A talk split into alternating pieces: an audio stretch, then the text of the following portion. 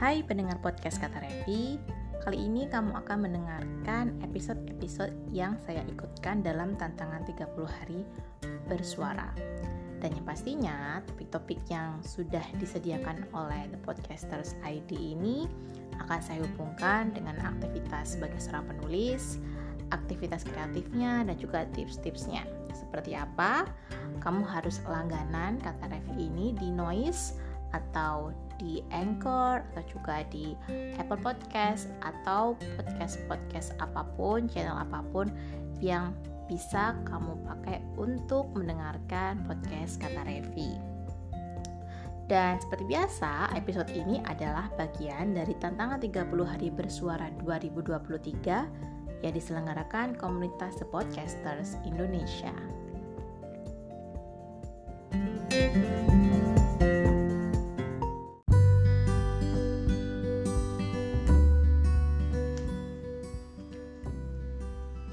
Dear teman-teman pendengar podcast Kata Revi, hari ini saya ingin berbicara mengenai sebuah renungan. Ketika saya membaca tentang topik yang dibahas pada hari ini dari 30 hari bersuara, yaitu tentang kemarin. Saya jadi teringat dengan buku yang berjudul Is Your Life Mapped Out? Apakah hidupmu itu bisa dipetakan? Ya, dengan gambaran ini saya jadi berpikir bahwa hal-hal yang kemarin terjadi, masa lalu yang sudah terlewati di dalam karir kepenulisan saya, sebenarnya itu bisa diubah, tapi bukan mengubah hasilnya hanya saja persepsinya. Dengan mengubah persepsi ini, saya bisa meningkatkan uh, dari karir, klien, sampai yang paling saya senangi adalah bagaimana cara saya lebih ramah pada diri sendiri. Bagaimana bisa? Saya kasih contoh. Waktu saya mendapatkan kritikan yang sangat banyak dari tulisan yang saya buat, hanya karena ada orang yang tidak suka dengan blog saya sampai saya dijelek-jelekan di Instagram kemudian eh, teman-teman saya juga diajak untuk membenci saya. Padahal kenyataannya saya tidak menying menyinggung nama si siapa pun. Saya juga tidak menyebut institusi atau inisial siapa pun. Waktu itu saya berpikir bahwa oh mungkin ya saya adalah orang yang tidak disukai. Mungkin saya adalah uh, orang yang tulisannya gak bagus-bagus amat. Dan yang terakhir adalah apakah saya tidak boleh jujur dengan tulisan saya sendiri? Padahal saya sudah menjaga untuk tidak menyinggung nama siapa pun. Saya hanya mengkritik dan juga memberikan advice lewat tulisan saya. Namanya juga opini ya kan? Namanya opini itu kan perspektif pribadi.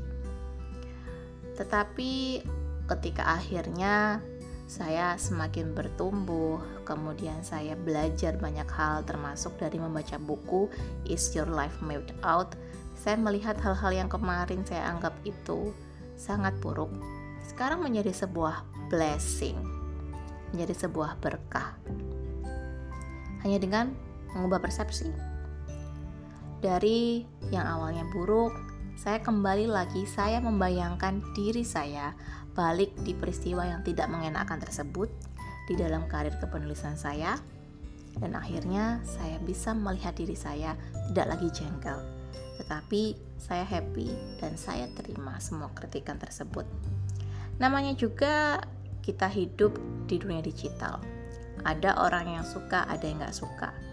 Dari situ saya juga belajar untuk ya mungkin uh, saya bisa mengolah kata untuk lebih diplomatis misalnya, tetapi saya juga belajar bahwa saya tidak bisa menyenangkan banyak orang.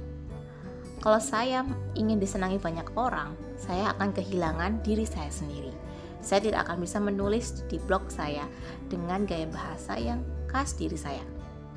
Jadi, selain memikirkan tentang bagaimana kebermanfaatan tulisan yang saya buat, saya juga berpikir bahwa saya tidak ingin kehilangan diri sendiri.